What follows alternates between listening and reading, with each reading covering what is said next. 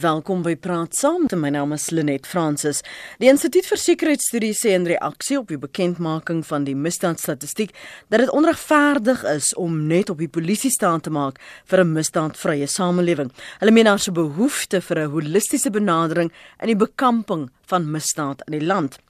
Gegee die ripple effek van misdaad, kan 'n konsep soos herstellende geregtigheid tussen slagoffers en oortreders werk. Praat gerus saam met my gas vanoggend. Hy is professor Christian Besuidenhout by die departement maatskaplike werk en kriminologie by die Universiteit van Pretoria. Goeiemôre en welkom by Praat saam professor. Goeiemôre, dankie. Jou indrinke van die jongste misdaadstatistiek en en waar dink jy het ons wel vordering gemaak? Daar's 'n paar misdade wat uh, weet wys daar's 'n bietjie afname tendens. Ek dink ek wil net noem dat ek dink dit is nou nie regtig bespreek nie, maar omtrent 'n uh, jaar gelede het die polisie heeltemal verander ten opsigte van misdaadstatistieke en hoe hulle dit gaan opneem. En ek dink dit het ook 'n uh, impak op die syfers wat ons tans sien. So hulle het 'n hele nuwe benadering, uh, daar's 'n hele nuwe komponent en en hoe hulle hierdie uh statistieke dokumenteer. So eerstens wil ek net noem dit het miskien ook 'n invloed op dit, maar daar's 'n paar goed, maar as jy kyk na die as jy praat van 'n afname, weet minus 0,1% en minus 0,4%, sulke syfers is regtig relatief. Jy weet as jy praat van 'n afname, moet daar 'n betekenisvolle afname wees as gevolg van behoorlike polisieering uh, inisiatiewe en natuurlik ook wat die gemeenskap saamwerk met die polisie en die regering. So ek dink ons moet eerder praat van betekenisvolle afnames. Ehm um, dan kan 'n mens sien in 'n paar goed soos ehm um, beskadiging van eiendom. Jy weet as jy die statistiek opbreek, sekere goed het so 5% en 'n 7% uh, afname getoon, maar volgens my is dit nie werklik 'n uh, betekenisvolle afname nie wat benewens die feit dat jy praat van persentasiepunte om betekenisvol te wees, die tipe misdade wat dan nou wel 'n afname toon, moet ons iets daarin lees of sou jy verkies dat daar op 'n ander vlakke afname 'n wesenlike afname sou wees? Kom ons vat een voorbeeld, um, iemand wat winkeldiefstal pleeg. Jy weet, hy is redelik af, uh, ek dink 7,8%. Dis van 67400 gevalle na 62100 gevalle. Wat is die rede vir die uh, afname? Is dit die polisieering of is dit omdat baie meer winkels uh, teikenverharding doen? Met ander woorde, hulle het allerlei meganismes, daar's CCTV-kameras, hulle het meer sekuriteit geïmplementeer. So dis nie noodwendig 'n uh, afname as gevolg van wat die regering gedoen het of wat die polisie gedoen het nie. Dit is wat soos 'n uh, winkeleienaar self gedoen het om hulle winkels te beskerm teen winkeldiefstal. So jy weet daar's korrelasies met ander uh faktore wat ons in ag moet neem om te sê dit is hoekom daar miskien 'n uh, afname is. 'n Ander baie belangrike punt is is dat dan daar misdaad uh, uh, uh, ons praat van misdaadverplasing. Uh met ander woorde as jy teikenverharding in een area doen en meer patrollies en meer privaat sekuriteit uh dan skuif daai misdaad dit word nie noodwendig voorkom nie. Mm -hmm. Dit skuif na 'n ander area toe en dit verander in 'n ander tipe misdaad in want die syndikaate of groepe of die individu wat gemotiveer is om die misdaad te pleeg, gaan nie nou skielik ophou omdat daar CCTV. Kom ons vat 'n voorstad. Ons sit klomp CCTV kameras in Hatfield in in Pretoria. Dit beteken nie daai misdaad gaan nie skuif na Garsfontein Pretoria toe of elders nie. Waar daar dan 'n nuwe winkelsentrum of daar populasieontwikkeling plaasvind waar daar weer 'n ekonomiese bedrywigheid plaasvind, skuif daai misdade na daai area toe en hulle verander dan waar jy dan sou baie ehm um, selfoon en uh kom ons sê rekenaar ja. diefstal en fietsdiefstal in hierdie area gekry het, sal jy nou skielik diefstal uitvoertuie kry in die nuwe area. So daai misdadigers skuif net eenwoordige misdaadverplasing het plaasgevind. So as ons praat van 'n holistiese benadering in die bekamping van misdaad, wat beteken dit vir kenners wat in die bedryf werk? Ek persoonlik sê ons moet teruggaan na die die die tekenbord toe en hier's 'n groot probleem want ek dink daar's nou al klaar ek het dit vir 'n populêre Afrikaanse koerant gister gesê vir joernalis ons het 'n vredesberaad in Suid-Afrika nodig dringend vinnig want jy het politieke wil nodig wat die leiding neem en vir die mense sê wow ons is op 'n sneltrein op pad om dieselfde tipe ekonomie te begin ervaar as Zimbabwe en die meeste Noord-Afrika lande. Wat gaan ons doen om hierdie probleem te stop? So holistiese benadering sal wees waar al die rolspelers ingetrek word, soos sy dag toe ons ons konstitusie wou begin opstel het en eh, weet on, en hom geskryf het. Dis dieselfde tipe um, ingryping wat jy nodig het. Daar's 'n paar instrumente wat jy kan gebruik om die mense betrokke te kry by polisieering. Jy weet jy het gemeenskapspolisieering, jy het sektorpolisieering, jy het restauratiewe geregtigheid waaroor ons miskien ook sal praat later in die regsplegingsproses. Maar ons moet heel bo begin dat daar 'n politieke wil is en hierdie mense sê al die politieke partye links en regs, die ouens wat regtig allerlei haatspraak gebruik en kwaai is teenoor die regering en oor die mense, um, almal moet betrokke wees by hierdie vredesberaad. En dan moet ons dit afwentel na die mense, die mense moet weet hiervan en ons moet hulle inlig daarvan en sê ons sal moet dringend ingryp want ons sal ons morele kompas in hierdie land baie vinnig moet regstel want hy is heeltemal uitgestel. Daar's nie respek vir eiendom nie, daar's nie respek vir lewe nie. As jy kyk na hierdie moordsyfer, ek meen dis een van die betekenisvolle syfers wat op is 6,9% van 19000 na 20336 toe. Dis massief. Dit beteken 57 mense word doodgemaak in Suid-Afrika per dag. Meeste lande het nie daai syfer nie. Ons is die 4de gevaarlikste land in die wêreld en ons is nie in oorlogvoering nie. Dit is mos skokkend. Dan het jy mos nou politieke wil nodig om te sê manne, hier's nou 'n probleem. Ons moet nou dadelik ingryp en ek dink 'n vredesberaad 'n behoorlike een goed beplan wat daar nie net soos hulle praat in die Engels met die lip service met ander woorde ouens praat nie net beloftetjies nie. Ehm um, hierso so speak promises. Dis nie beloftes nie. Dit is goed wat ons gaan implementeer. Ons gaan dit nou doen. Ons het die beste wetgewinge net in die wêreld. Die konstitusie is fantasties.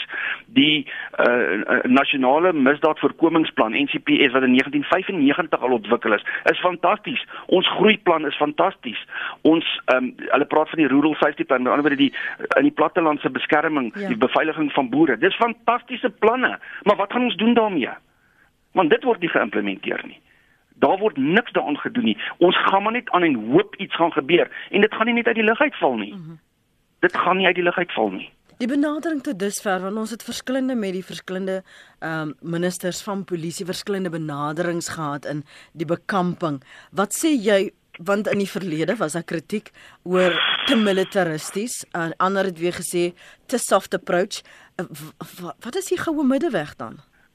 Kyk, ons sit met 'n ongelooflike groot uitdaging. Ek is eintlik snaaks genoeg ek is tans besig om navorsing te doen en te skryf oor die militarisering van die polisie wat destyds voor 94 die ou SAP, jy weet die ouens wat met die geel karre mm. rondgery het en in die apartheidstelsel gefunksioneer het. Hulle het bekend gestaan as 'n paramilitaristiese polisie mag en en hulle het hulle ding gedoen en ons ken die geskiedenis. Toe sê die ek dink toe meneer Mandela uh, weet in uh, die kantoor instap te sê ons gaan 'n tipe polisie die polisie diens hê wat vir die mense daar is. Ons gaan hom 'n polisie diens maak en ons gaan die mense 'n diens lewer volgens almal se menseregte. Maar hulle het nie tred gehou die politisie met hoe geweld sou eskaleer oor die afgelope 5 6 27 jaar nie want so 'n benadering om te demilitariseer met ander woorde jy verander die range die motor se kleure ek weet nie of jy dit agtergekom het die motor se kleure het van daai geel snaakse lemmetjie geel het verander na wit en blou neutraal toe die insignia het verander die polisie wapens het verander die uniforms het verander. So hulle het 'n klomp goed gedoen om te demilitariseer selfs die range jy weet destyds was jy nou 'n kommissaris as jy die hoof van die polisie is en toe kom daar 'n nuwe leier en ek gaan hulle almal een vir een nou vir jou noem en wat my opinie is ehm um, toe kom daar een ou in Beketjie en sê nee nee nee nee nee, ons moet ons veg 4 met 4. Ons moet terugskiet. Polisie moet nie doodgemaak word nie. Ons gaan ook terugbeklei ons militariseer weer. So terug van die ou kommissaris en superintendent en direkteur range skielik verander ons dit terug na generaal toe, majoor. Al die militaristiese range is terug en ons implementeer weer militaristiese tegnieke en strategieë om hierdie ernstige misdaad element aan te spreek. So jy jy het 'n 'n groot verwarring in jou polisiekorps, die mense onder op die grondvlak. Wat moet ek doen? Hoe moet ek dit doen?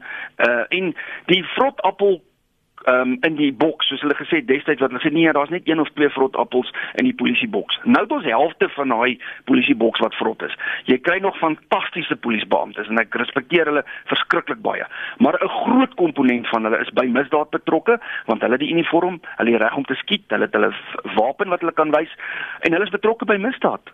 Nou waar het verkeerd gegaan? Gaan kyk na jou leierskap en ek het met alle respek um, met Becky Chelly, eerste uh, weet die kommissaris wat eerste vir misdadige bedrywighede geïdentifiseer is. dit is nie goed as jou nommer 1 in 'n in 'n departement totaal en al betrokke is daad nie. Toe kom ek weet ek ek, ek ons kon skille maar so deurgaan en noem maar ek beneen dieselfde met uh Becky Chelly hy is uit nou sy tans die minister van polisie maar daai tyd was hy uit uit die polisie geneem oor ook aantuigings en dinge oor gebou huurdery en ensovoorts ek wil nie daaroor uitbrei nie want hy is die minister van polisie tans toe Ria Payega ek weet nie of jy dit kan onthou nie daar was ook goeders waar sy haar vriende ingebring het en uh, jy weet inligting gegee het uit die binnekringe en finansiële goed wat genoem word. Verlani uh, uh, Kumalo, die volgende ou wat waarneem, daar's ek hulle praat van 3 miljard. Daar's groot klomp geld te sprake onder sy leierskap. Wat gaan aan by jou topleierskap? Hoe kan jou ouens die voetsoldate hier onder wat die polisieering moet toepas vertroue hê in die bestuur om hulle te lei as daai ouens self betrokke is by misdadige aktiwiteite. Hmm. Hou net vir my vas eh uh, Christian Christian ons wil gehoor wat sê professor uh, Cornelius Rolofse. Môre professor. Nee, môre môre hoe gaan dit daar by julle? Goed, dankie en jy? Mooi, mooi. Dankie. Uh, my ouma Christian baie goed goeie insette. Ek wil net 'n paar dinge vinnig sê. Ja. Nommer 1 is dat uh, die algemene mite bestaan dat die polisie misdaad kan voorkom. Nou in die klassieke uh, misdaadvoorkoming, Christian is 'n ekspert daarin, uh, gaan dit oor die eerste klompie jare van 'n kind se lewe. Ons het die polismanne in die huise van mense om te kyk hoe maak hulle hulle kinders groot. Ons praat van samelewingsverval, ons praat van egskeidings, ons praat van substansiemisbruik, uh, uh, al hierdie uh, dinge. En nou het jy 'n uh, samelewing wat toenemend uitmekaar val waaruit die polisiemanne gewerf word. En uh as ons kyk na wat sê die ministers altyd, dan sê hulle gee ons meer geld, gee ons meer polisiemanne, dan gaan ons die misdaad opslaan. Vir die afgelope klomp jare is dit meer geld, is daar meer polisiemanne, is daar meer misdaad. So hierdie goed werk nie. En nou wil ek net vinnig sê dat eh uh, polisieering staan op is uh, ses pilare en ek wil reg van die begin af sê die polisie is nie suksesvol in een van hulle nie. Nommer 1 is hulle is interafhanklik. Nommer 1 is goeie bestuurstrategie. Uh ons vervang uh kwaliteit met kwantiteit dit is hierdie meer geld meer polisiemanne wat uit 'n samelewing uitkom wat gewoonlik nie uh, meer uh, behoorlik funksioneer nie dan moet jy jou jou polisie goed toerus met alles wat nodig is tegnologie voertuie en en dis meer. Uh die volgende uh, uh, stap is sigbare polisieering en dit het 'n invloed op hoe jy met die gemeenskap werk en die die vennootskap by die polisie met die gemeenskap ontwikkel waaruit jy dan nou inligting uh, ontvang wat jy uh, misdaad meer kan voorkom en ondersoek en dan natuurlik die die uh, speurdiens en goeie ondersoek van misdaad. Nou soos ek sê, die polisie is nie goed in een van hulle, maar die groot probleem het Christian reeds aangeraak die die die misdaad in die polisie is van so hard dat die die gemeenskap nie die polisie vertrou nie. So die korrupsie en die goede maak dat die polisie hulle vervreem van die gemeenskap en om hierdie uh, vennootskap te ontwikkel, moet daar vertroue wees en daar is nie vertroue nie. So ons het 'n uh, groot shake-up nodig as ek daai woorde kan gebruik van uh, die die die uitvoerende bestuur af. Ek dink dit was Mexico het op 'n stadium 14000 polisiemanne afbetaal. Ek dink in Suid-Afrika is dit 'n klein getalletjie. Dan moet 'n skoonmaak operasie kom en dit beteken dan moet 'n veranderingsagent in die topbestuur of agente in die topbestuur aangestel word en hulle moet die polisie mag skoonmaak en hulle moet die gemeenskap se vertroue weer wen en dan hierdie ses pilare begin implementeer om polisieering uh, in Suid-Afrika weer op 'n goeie vlak te bring en dit gaan tyd vat. Goed. Dankie vir jou bydrae. Dani, môre. Môre net.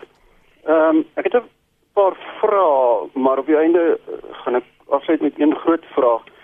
Jy het gepraat van holistiese benadering en nou die fokus is half op die polisie, maar hier is waarom ek dink om ehm um, holisties na die ding te kyk baie meer as die polisie.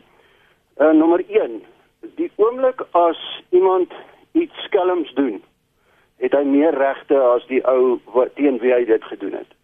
As hy in my huis inbreek en my aanval en ek skiet hom, het hy meer regte as ek want ek is dan nie skuldig. Dieselfde met die polisieman.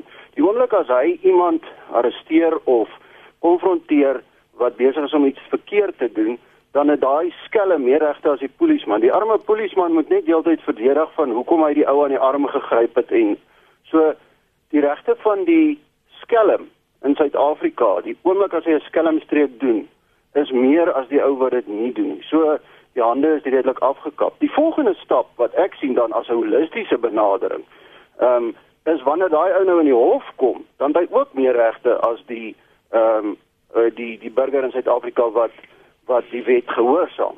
Want as hy 'n moord gepleeg het, is lewenslange tronkstraf 25 jaar en as hy hom goed gedra is hy binne 15. So as ek jonk genoeg is en ek wil iemand uithaal, kan ek dit slim beplan. Ek kan die ou vermoor en ek kan weer uitkom aan die ander kant. So uh, lewenslank is nie lewenslank nie. Ehm um, daai ou se regte is meer so nou kan jy 'n idee kry wat ek sien van holisties want ek dink vir om te verwag ek as burger van die land ehm um, moet betrokke raak by polisieering. Ehm um, is vir my so 'n bietjie laf want ek het nie die opleiding nie, ek het nie niks nie. Dis juist hoekom die polisman daar is, dis hoekom ek belasting betaal. Nou ek sluit af met daar's twee basiese maniere of twee basiese menslike kenmerke wat gedrag verander. Ehm um, en jy kan maar redeneer en allerlei slim goed sê, maar daar's net twee goed, dis pyn en plesier. Uh pyn en pleasure is is die woord. As jy iemand wil beïnvloed of iemand se gedrag wil verander of iemand se optrede wil verander, is daai die twee basiese goed waarby jy uitkom. Nou op die oomblik is dit verskelmd in Suid-Afrika 'n plesier om 'n skelm te wees, want dit is holisties so. Sy menslike regte tel baie meer as sy menslike verantwoordelikhede. En as ons nie holisties in ons samelewing na die straf, die polisie, al die tipe van goeders kyk nie, dan help dit nie om te fokus en te verwag want die eerste ding wat die ou skree vir 'n polisieman is rasisme. En skielik val alles uit want nou is die skelm reg en die polisieman word ondersoek en alles. Daai arme mense moet funksioneer en ons as die publiek moet funksioneer onder 'n holistiese benadering van menseregte en ons kan nie wen menslike verantwoordelikhede in Suid-Afrika op die oomblik wen nie teen menseregte nie. So hoe is my vraag? Hoe verander 'n mens net die polisie mag of die situasie as daar meer pret as en plesier is om 'n skelm te wees as wat daar pyn in is? Okay, Lenet. Okay Dani, dankie vir jou uh, menings. Professor, maak wil jy reageer op die punte wat Dani en professor Abbenheimer gemaak het? Ja, ek dink die pynplesier beginsel is 'n ou klassieke skool ding uit die kriminologie uit. Jy weet, as jy genoeg pyn dan sal elke ou gaan sit en dink, gaan dit vir my 'n benadeel wees om dit te doen. Jy weet wat dis ook nie meer lewenslank gevangenisstraf en ons ons noem die minimum vonnisse. Nou die minimum wat jy kan kry as jy 'n moord pleeg byvoorbeeld is 25 jaar. So dit is nie die die woord lewenslank word nie eintlik gebruik nie, dis minimum vonnis wat jy kan kry. Ons tronke, ek wil miskien gou soheen toe gaan. Mm. Dit glad nie lekker daar nie. Jy weet vir 'n ou om 15 jaar jaar in ons gevangenisse te gaan sit is 'n geweldige straf. Maar ek sal nou-nou daaroor uitbrei. Ons het omtrent so 100 uh die 243 tronke uh, in Suid-Afrika en hulle is so 137% oorvol ons gevangenisse. Nou kan jy net indink as jy 'n gemeenskaplike saal gevangenes van 40 gevangenes het, tradisioneel wat 70 mense in het, een toilet, een stort, jy kan maar net dink wat se onmenslike goed daaraan gaan. So dit is glad nie lekker die pyn om tronk toe te gaan in Suid-Afrika is betekenisvol. Ons moet gaan kyk wat fout met daai mense want van die ouens raak ehm um, ons praat van nie habitual kom met ander woorde hulle raak herhaalde oortreders en dit is vir hulle hulle gaan net aan. So die voordeel wat wat ek dink Dani probeer sê is as daar 'n kontant en transito roof gepleeg word, kry hierdie ou 10 miljoen rand in sy sak. Die ou wat uit die tronk uitkom, 'n ander voorbeeld wat nou rehabilitasie in die tronk gekry het, hy deur sy restoratiewe proses, ons sal nou daaroor praat. Hy's nou terug op die straat. Hy sit daar voor 'n winkel Builders Warehouse en wag vir werk. Se week, dis 'n 2 weke, 3 weke, sy gesin is by die huis, hulle het nie kos nie. Nou begin hy dink, nou kry hy werk. Kom ons sê, hy gaan nou teels lê vir iemand 2 dae, hy kry R500 daai 500 rand is nie genoeg nie. En dit het hom 2 dae gevat. Mense wat hom omskel, sy het verkeerd gewerk wat ook al. Nou kan hy 'n motorkaping pleeg vir 50000 rand. Dis dit is hoe hierdie beginsel van plesier en uh, pyn werk.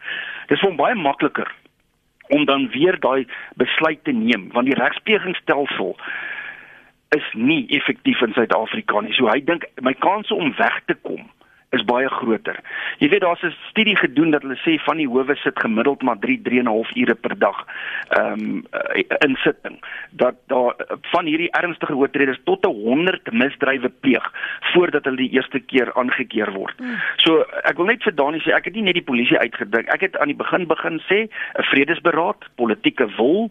Ek het gepraat van die polisie, ek het praat van die gemeenskap, die morele kompas wat heeltemal afwesig is en daai pyn en plesier beginsel kan jy net met jou morele kompas regmaak as jy in jou met jou gesinne begin werk. Maar ons soos uh, prof Roelofs nou nou heeltemal uh, tereg opmerk, ons gesinsstrukture het heeltemal verval. Ehm um, ouers probeer so gou as moontlik hulle kinders, ek het dit al op jou program genoem, mm. in 'n kleuterskool inkry. Ehm um, ouers werk ver van die huis af. Ouers sien hulle kinders eenmal 'n een maand as hulle geld huis toe neem. Waar gaan daai kind 'n morele kompas kry van wat is reg en verkeerd? Ek mag nie iemand anders se goed vat nie. Ek mag nie iemand se lewe neem nie. Hmm. Daai kompas, dis wat ek dis wat ek wil sê. Ek het nie net die polisie genoem nie. Hmm. Ons moet daai kompas herinstel in ons land. Maar dis 'n massiewe proses wat sekere generasie of twee gaan neem, maar ons het politieke wil nodig om nou die hierdie skip op die regte water te laat begin vaar. Want om 'n morele kompas daar te stel of te skep of oor te dra, moet jy self as persoon daardie morele kompas het om dit te kan doen. Ek ek wou nie ek wou jy slaan die spyker op die kop, dit weet jy hoekom. Nou nou word jy afgetrek deur 'n verkeersbeampte. Sê meneer jy het te vinnig gery. Sê so, sorry man, yes, ek ek is ek wil terug gaan huis toe en dan begin hierdie onderhandeling en jy haal R200 uit en sê ekskuus man jy weet en dan vat die ou dit wie het eerste die aanbod gemaak om hierdie boete af te koop sommer net daar hmm. deur bedrog te pleeg jy en dis presies waar daai morele kompas as hy jou vang sê jammer ek is verkeerd wat is my boete Dis wat die Suid-Afrikaner moet doen, maar Suid-Afrikaners doen dit nie. Ek gebruik die voorbeeld, die volgende voorbeeld in die klas. 'n uh, uh, kennis van my is oor see uh, uh, Australië toe. Hy kom terug. Hy sê vir my, by 'n sosiale geleentheid sê vir my jy kan nie glo nie jy mag nie drink en bestuur in Australië nie ek sê vir jy mag nie drink en bestuur in Suid-Afrika nie ja maar ons doen dit want ons kan wegkom daarmee almal doen dit almal kom weg daarmee drink en bestuur selfoon in die hand uh, spoedbeperking parkering dink aan die taxi uh, komponent met uh, verkeersreëls ons is 'n wettelose samelewing wat ons glad nie steur aan reg en verkeerd nie. En jy dit het dit begin binne in die huis. Die ouers se voorbeeld. 'n voor, 'n eenvoudige voorbeeld. Ek gaan nie SARS betaal nie want hulle steel ons geld. 'n Voorbeeld. Mm -hmm. Wat gaan in daai seun of dogter se kop aan want hulle pa sê ek gaan nie geld betaal nie. Ek gaan dit en dat doen. Die pa wat sê nee man, jou veiligheidsgordel is nie nodig nie. Ons reis ons het lugsakke en ek ry al my hele lewe lank so. Ja. Toe ek klein was, was daar nie kinderstoeltjies nie. Mm. Hoorie wat ek vir jou probeer sê? Ons leer ons kinders van kleins af. En dan hierdie kinders wat sonder ouers groot word, ek dink prof Rolos het genoem, ons is heeltemal gedestabiliseer. Se gesinne is heeltemal gefragmenteer. Daar's nie meer hierdie kerngesin sit om 'n tafel, doen tafelgebed, uh, weet wat ook al die situasie is. Ons navorsing toon duidelik kinders wat betrokke is by skoolaktiwiteite en enige tipe denominasie van godsdiens. Solank dit net deel van 'n kind se lewe is en hulle is betrokke daarbey, se kanse is betekenisvol minder om volwasse misdadigers of misdaad te pleeg terwyl hulle jonk is. So wanneer ons praat van herstellende geregtigheid of ons praat van 'n holistiese benadering. Asof ja. vir my vir my tekenend dat jy verduidelik dat dis die klein jakkalsies wat die wingerd bederf en ek in die heeltyd hoor ek dis baie maklik vir ons as burgers wat sê nee, ons betaal ons belasting om die heeltyd die balk in die ander se oog te sien, in die geval die polisie, hulle doen nie hulle werkie, maar Absoluut. ignoreer die splinters waar vir ons verantwoordelik is, want dit is soveel makliker om te blameer. So as jy dan praat van herstellende geregtigheid, professor Besuidenhout, kan jy enigsins werklik die die polisie uit daardie scenario laat dit dit klink nie vir my asof dit net misdadiger oortreder is en daar is soveel ander invloede ja, is wat ja, bestuur ja, ja. moet word Absoluut. Nee, Lenie, ek stem saam met jou. Weet jy wat? Kom ons kry gou 'n uh, 'n leuke se se definisie ja. van uh, uh, regstellende geregtigheid.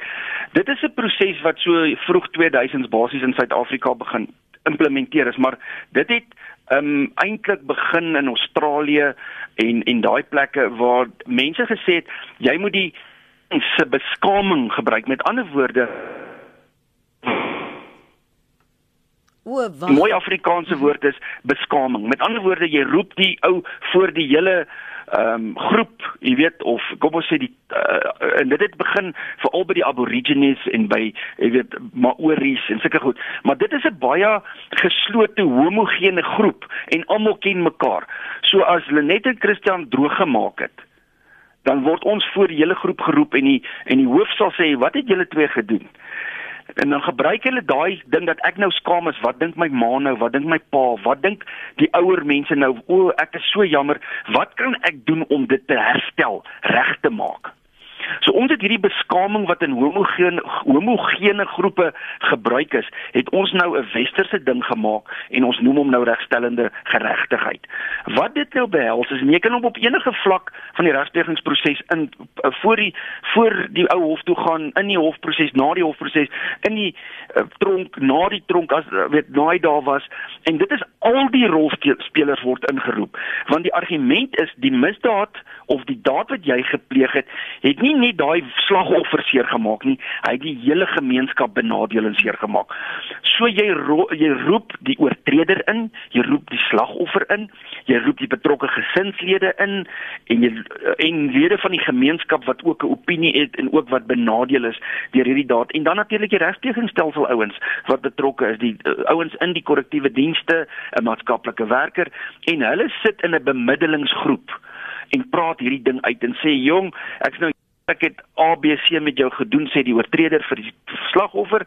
Slagoffer sê vir hulle, "Wel, jy het my baie seer gemaak, dit het my baie benadeel. Weet jy wat die impak daarvan was?" En jy probeer vir die oortreder wys wat die nadeel van sy daad was, want hulle glo dit het 'n rehabiliterende effek vir die oortreder en dit het 'n herstel effek vir die slagoffer om te sê jy het my so en so seer gemaak en vir die oortreder ek is verskriklik jammer, ek sal dit nooit weer doen nie. Dit is basies waarop hierdie beginsel wentel. En dan die sterk komponent van beskaming, jy voel jy erken, jy neem verantwoordelikheid vir wat jy gedoen het. Maar jy jy verwag ook dat daardie persoon die skaam te gaan hê om te erken hulle het 'n fout gemaak. Jy vra vir baie. Dis hoekom ek sê die morele kompas is totaal en al in 'n verkeerde rigting. Jy weet ek ek ek wil terugkom aan wat Dani gesê het oor die pyn en en, en plesier. Hmm. Een ding wat ouens nie in gedagte hou met pyn en plesier nie en ek wil ek wil nie vir jou syfer gee nie want ek dink jou hare sal stok regop staan in daai ateljee waar jy sit. Die, jy kan nie jy kan nie jy kan nie beskaming hê as jy nie 'n morele kompas het nie. Jy kan nie vir iemand pyn toedien as hy 'n antisosiale persoonlikheidsversteuring het nie. Ja. En waar kom antisosiale persoonlikheid? Onthou, dis persoonlikheidsversteuring. Dis 'n gedragsversteuring. Daar's niks fout met jou brein nie. Dis 'n gedragsversteuring. Waar het jy hierdie gedragsversteuring gekry? Dis hoe ek groot geword het. Ek het in die bendes groot geword. Dis die voorbeeld. My ouers, ek het arm groot geword. Ek ken net van drink en slaan en skop en dis hoe jy probleme uitsorteer. En so het ek geharde emosionele, hy het 'n eelt uh, ontwikkel ontwikkel uh, oor sy persoonlikheid en sy morele kompas en sy skaamheid. So jy kan hom maar 10 keer tronk toe stuur. Jy kry nie daai roof afgekrap nie, want dis een van die kenmerke van antisosiale persoonlikheidsversteurings, 'n gedragsversteuring. Hulle erken eerstens nie hulle foute nie. Twee, hulle leer nie uit vorige ervaring nie. Pyn beteken vir hulle niks nie. Dis hoekom hulle dit weer doen. So jy kan die die ergste pyn wat jy hom kan gee op die einde om die gemeenskap te red, is die doodstraf en dit het ons nie in ons land nie. Hmm. Gaan nou net verder praat Francisco, dankie vir jou oproep môre. Goeiemôre, my gaste. Ek wil 'n bietjie antwoord. Ek werk in 'n kinderhuis nou al 30 jaar. Hmm. En uh ek hoor wat sê die professor en ek en ek wil saamstem. Maar ek dink wat mense moet verstaan is dat die storie as ek verskoon my as ek Engels en, en Afrikaans 'n bietjie te mekaar gooi. Die restorative justice processes begin eintlik by die die gemeenskap se se ervaring van um humanity before anything else. So as ons as ons kyk na ons groot probleem in die land is die racialism issue. Maar as ons ons kan nie aandag gee aan dit as ons nie verstaan dat dis humanism before racialism is. En dit dit sluit aan by die gedragspatrone wat ons in ons gemeenskap beleef. En dit is moeilike benadering hierdie restorative justice processes um, want want die pyn en lyding wat ons ervaar deur die kriminele aktiwiteite en so meer soek ons retributive punishment die hele tyd. En uh, om om te verwag dat die gemeenskap of die familie of die persoon wie dan nou gelei het onder die kriminele aktiwiteite ehm um, kom sit langs die krimineel en en sy storie te kom stel is is, is in die stadium baie gevra en, en ek dink mense moet bietjie terug gaan en kyk na hoe kan ons in kleiner groepe ons gemeenskap uh probeer verstaan of laat verstaan dat uh, die persoon langs my is 'n mens um en ek moet daar begin en en ek moet verstaan dat as ek as mens nie op pyn en lyding ervaar nie dan gaan ek dit mos nie toedien op iemand anders nie. Maar dan moet dit nou verder uitbrei. En as jy begin in gesinsverband in jou klein familie as jy daai praktyk op praktyk daar kan beoefen dan kan dit dalk al beter gaan maar ek sien in die kinderhuis ook nou het ons die gevalle van kinders wat ander kinders met dalk seermaak en so jy kan nie straf nie nou nou probeer ons hierdie benadering maar die kind kom uit 'n omgewing waar sy hele agtergrond dit van geweld dalk is En dis die rede hoekom hy verwyder is uit sy gesin. Nou vind hy homself in 'n kinderhuis en dan is dit moeilik om vir die kind te help verstaan hoe jy ons moet verskoning vra of ons moet kan luister na wat die persoon sê wie die kind dit aan jou gedoen het. Ja. En dan moet ons daarvan af nou kyk in hoe mate kan ons versoen? Want want dit is die eind die eindpunt. Ons wil versoen. Ons wil eintlik hê die ander persoon moet nou ook gestraf word of meerder gestraf word. Want die kind is ook verwyder. En so as jy nou kyk na groter gemeenskappe as hierdie klein kinderhuise wat klein gemeenskappe is, dan dan sien ons dit nou 'n groot groot probleem. En jou groter gemeenskappe ken nie hierdie benadering en soos die professor sê, dit begin in Aborigine tribes. Die ervaring van hierdie restorative justice is dat dit in die Red Indian tribes in Noord-Amerika ook plaasvind en ge gebeur het. Maar dit kan ook in ander uh, gedeeltes van die wêreld geskied, maar dit kleiner gemeenskappe is so ek dink ons ons ons takel die probleem maar dat dat baie moet loop voordat ons by 'n punt gaan kom waar ons die stelsel die regstelsel op kan bring tot 'n punt waar ons hierdie tipe praktyk kan nou beoefen. Mm. Ek hoor jou. Baie dankie vir jou oproep en en die agtergrond wat jy vir ons gegee het Francisco, want dit dit vra vir baie aannames. Ons moet aanneem die persoon het 'n morele kompas. Ons moet aanneem dat albei partye um vertroud is met wat dit vra, die proses en gewillig is om dit te doen. Uh dit vra dat jy jou eie verwagting van hoe dit gedoen moet word, um want dit gaan of jou ego streel of dit gaan versoen in plek van straf dat dat daardie um behoefte gaan aan voldoen die die aanname wat ons maak dat dit net 'n persoon is wat uh, of in 'n gang behoort het of in 'n bende lid maar ons weet hulle kom in pakke ook ons weet hulle hulle preek ook en hulle sê ook hulle is lief vir die Here dat dat daar verskillende vlakke is van hoe 'n oortreder homself presenteer professor so hoe ja. hoe gaan want wat wat my nou bekommer is die kritiek was nog altyd dat ons lê te veel klem op die oortreder En wat van die slagoffer in die proses? Ja, eh, weet jy, die die slagoffer is ongelukkig baie keer die ou wat in die korste en trek oor ons wetgewing. Ek dink dis nou nou genoem deur Dani ook, jy weet, daar's soveel regte. Maar ek wil net gou-gou terugkom oor iets wat jy nou genoem het wat verskriklik belangrik is. Ek noem dit die 3 R'e en dit is nou in Engels jammer, maar dis elke oortreder is baie interessant want hulle weet van die parool, hulle weet van wat hulle moet doen en hulle weet van hierdie regstellende prosesse of geregtigheid wat ter sprake kom. Dan ek sê hulle aanvaar dadelik die 3 R'e: regret, remorse en religion. Hulle gebruik dit onmiddellik as 'n um, as as 'n front ja. en ek dink Jesus hierdie ou het verander. Maar hulle speel die stelsel. En dis hoekom ek gesê het ons moet nie vergeet hoeveel antisosiale persoonlikheidsversteuring, psigopate, daar is massas gedragsversteuring ouens wat in die uh, instansie sit ongelukkig. En en hierdie ouens leer net eenvoudig net voor ervaring nie en die rehabilitasieprogramme werk nie. En dan wil ek net teruggaan na twee goed toe van uh,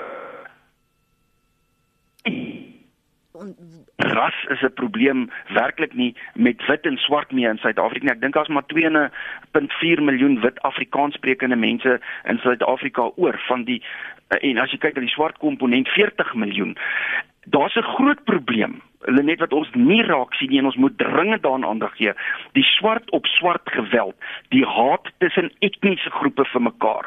Ek praat van Xenomartosa en Zulu teenoor die, die mense die Venda wat heeltemal anders behandel word. Daar's uh, die mooi Engelse woord is tribalism. Daar's definitief nog tribalism in ons land aan die gang en ons sien dit nie raak nie. En ek skoei my aanname op die volgende. As ons die moordsyfer vat, daai een wat ons nou gekry het mm. en ons breek hom statisties op is daar statisties minder wit mense deur swart mense doodgemaak as wat swart mense swart mense doodgemaak het in hierdie land. So dit is 'n ding wat ons binnekort moet begin mooi ont on, weet uitmekaar trek, uh, om verpak en kyk wat is hier aan die gang. Dit is 'n groot probleem. Die slagoffer ongelukkig moet baie meer regte kry en baie meer insette in hulle in hulle saak. En ek dink uh, daar's een van my studente wat tans nou 'n studie doen oor hoe kan ons meer die kriminoloog en ander gedragswetenskaplikes inkry om die slagoffer by te staan om 'n behoorlike slagoffer impakstudie te doen en 'n verslag te skryf vir die hof om te sê dit is die aard van die skade wat dit aan my gedoen het dat die hof 'n beter ingeligte besluit oor die vonnisoplegging kan maak. Ek wil net miskien noem oor restoratiewe geregtigheid wat baie belangrik is. Daar's 'n minimum mense wat in hierdie prosesse wil betrokke raak soos die die die, die laaste uh, persoon reg opgemerk het. Die meeste mense as jy my verkrag het ek wil nie langs 'n tafel gaan sit en met jou praat nie. Ek is nie lus vir hierdie bemiddeling nie. Jy moet in die tronk sit en ek hoop jy vrot binne in daai tronk jy gaan dood in daai tronk. Dit is die houding. Ons het 'n ongelooflike sterk vergeldingsding. En dit is dit gaan dit is dit gaan baie jare neem om alle mense te kry om te sê ek vergewe jou. Gaan jy aan met jou lewe? Jy's 'n mens Ehm um, ek was die slagoffer, maar ek sal dit integreer in my lewe en aangaan. Meeste slagoffers, en ek praat van byvoorbeeld van seksuele misdrywe, kry nie soos verkrachting, kry dit nie verwerk regtig nie. Mm. Dit het 'n impak op die res van hulle lewe. So ons sal die slagoffer definitief moet bemagtig en dan moet baie meer bemiddeling plaasvind vir hulle.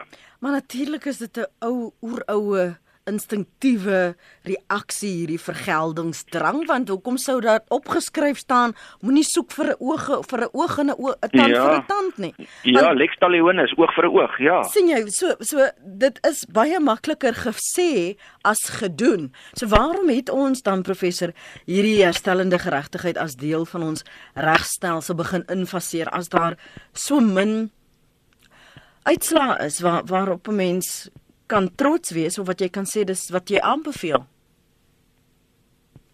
Professor is verlore. Ons gaan hom probeer terugkry. As jy nog jou sê wil sê, dan as jy welkom om saam te praat. Uh, kom ons lees intussen wat uh, van julle wel hier op ons sosiale media skryf. Een sê as almal in die verlede bly leef, sal ons nie vorentoe kan gaan in die land nie. Nog een, as jy 'n wrede moord gepleeg het, moet jy vir lewenslang tronk toe gaan sonder die voorreg tot parol. Slagoffers van moord van moordenaars het alles verloor. Die sogenaamde lewenslang vonnisse wat tans opgelê word, is onaanvaarbaar. Geen wonder daar is geen respek meer vir lewe nie. Ons kan leer van die Amerikaanse wetgewers wat eerste graad moordenaars lewenslang tronk toe stuur sonder parol. So professor, jy's terug. Dankie vir jou geduld. So waarom het ons dan dit as deel geregtig herstellende geregtigheid as deel van ons regsproses infaseer as dit nie werklik die uitslaa lewer nie of die uitkomste lewer nie. Jy weet die ding wat se sterk dryf en dis hoekom ek maar dis Braithwaite die ou wat dit gedoen het 'n uh, uh, Aussie wat dis hoekom ek jou Aborigines en die Maoris en dit en ja dit kom van die rooi Indiane af dit kom eintlik uh, herstellende geregtigheid is 'n informele proses wat in in die mensdom dit is hoe probleme hanteer is. Eh, die ou het verkeerd gedoen, jy's voor die gemeenskap gebring, jy's voor die leier gebring en daar's sekere prosesse geïmplementeer. Ons het dit in ons land gehaat. Jy weet as ek mag die woord gebruik, ons het die ou chiefs gehad, die die die die hoofdestelsel wat 'n sekere area die hoof van daai area was en as iemand iets gedoen het, eh, 'n bok gesteel het, dan en hy's gevang, is hy gebring na die na die chief toe en die chief het 'n besluit geneem jy werk vir 2 weke vir daai mense en jy weet ABC straf. So ons het 'n mate van hierdie beskaming en restoratiewe geregtigheid ingebou gehad in die Suid-Afrikaanse tradisionele wetgewingsstelsel. Maar Toe kom daar 'n westerse gedeelte by dit en ek daar natuurlik groot ontwikkeling plaasgevind en mense het totaal en al verwesters in ons land. So nou het jy 'n kombinasie van die daar's nog hier en daar 'n paar chiefs en hulle doen nog hulle strafoplegging op hierdie manier en dan het ons ons uh natuurlik westerse wetgewing wat sê jy oortree jy moet 10 jaar tronk toe. Hierdie goed is baie moeilik om met mekaar te trou. En daai ding wat ons gesê die afwesigheid van die morele kompas en daai beskaming is nou weg. En groepe is nie meer so homogeen nie omdat mense so mobiel is en beweeg. Ehm um, het hierdie ding ook heeltemal gefragmenteer en ek het vir jou genoem hier teen die 2000s was dit die sogenaamde buzzword in die regsplegingsstelsels oor die hele wêreld. In Engels is restorative justice as die luisteraars dit wil bietjie gaan soek op 'n soek engine. Nou restorative justice het toe die hele wêreld geneem en ouens gesê hier's die hele nuwe regsbenadering gou het hulle agtergekom dit is net 'n instrument vir sekere misdade in sekere situasies want dit werk nie vir almal nie. Selfs ons eie uh, uh, uh, regstellende kliniek hier in Pretoria het het nie fantasties gegroei en verbeter en groot geword nie hierdie ding gaan maar net aan op sy eie so dit het gebo dit is gebore uit 'n 'n globale dryf om te sê, "Joh, hier's die nuwe ding wat gaan werk vir wetgewing." Dit is maar net een van die klein instrumente wat ons kan gebruik wanneer 'n slagoffer bereid is Jy kan nie 'n slagoffer dwing uh mhm. -huh. of manipuleer om te sê jy moet nou met jou slag met jou oortreder gaan praat nie. Dit bly jou eie vrye keuse. Dis jou vrye wil of jy dit wil doen. En die meerderheid mense sê nee, ek wil nie met hierdie persoon praat nie. Ek wil niks met die persoon te doen nie. Ek gaan hierdie goed herleef. Ek het dit verwerk met 'n sielkundige of 'n maatskaplike werker. Ek wil nie deur dit gaan weer nie. Hou jy ou weg van my af. En en en dit is hoekom hierdie ding nie vir almal kan werk nie en hy kan nie vir alle misdade heeltyd werk nie. Wie gaan jy mee regstellende uh, geregtigheid doen as jy iemand doodgemaak het? Die slagoffer is dood. Hoe herstel jy my in die proses? Jy kan nie gesinslede sien en met hulle praat en sê sorry, ek het julle pa doodgemaak wat die broodwinner was. Want dit kan nie vir almal werk nie, net.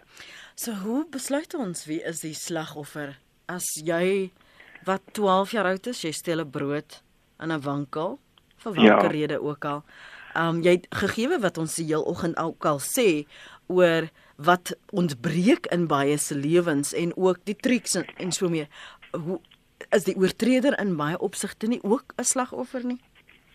Ja, ek dink dit is baie keer uitslagofferskap, jou absolute desperate posisie. Dink aan jouself. Ek sê baie keer vir my kriminologie studente as ek klas aanbied, as ek na die 5de, 6de, 10de dag niks droog of niks weet kos uh, oor my lippe gehad het nie. Gaan ek begin dink, wat kan ek doen om te oorleef want jou oorlewingsdrang is tog die sterkste drang. En jy gaan wonder, wat gaan ek doen om te oorleef? Dan is 'n uh, winkeldiefstal miskien die maklikste opsie of om by die buurman soos ons in die ou tyd maar 'n perske vir die lekkerte gaan gryp het van die van die boom af. Maar dis verkeerd. Jy kan dit nie doen nie. Dis verkeerd. Ehm um, jy moet dit seker maar vir jou mense leer. Daar's grense. Dis hoekom ons heininge het.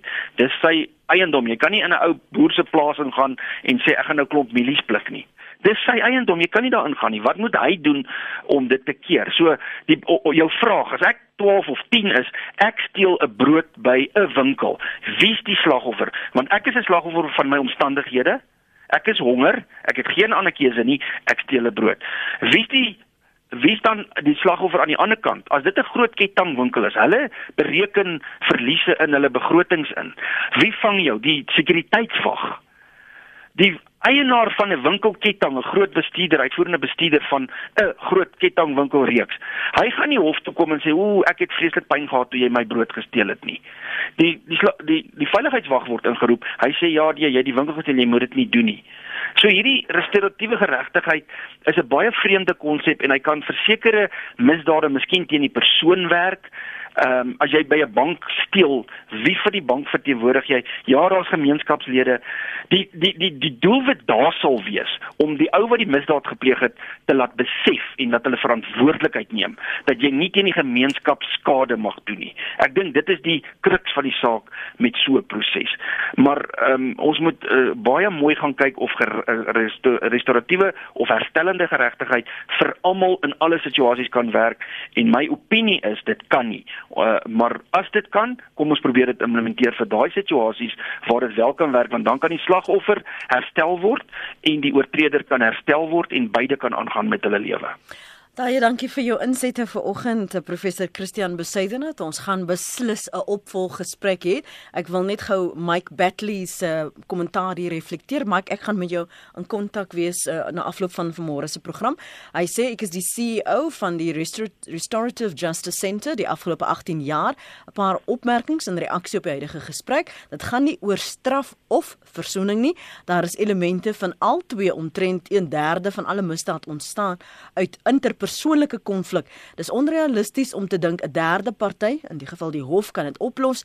Konflikoplossing en bemiddeling kan 'n groot rol hier speel. Ons weet dat straf op sigself nie effektief is nie. Baie mense stel belang om deel te wees van die prosesse.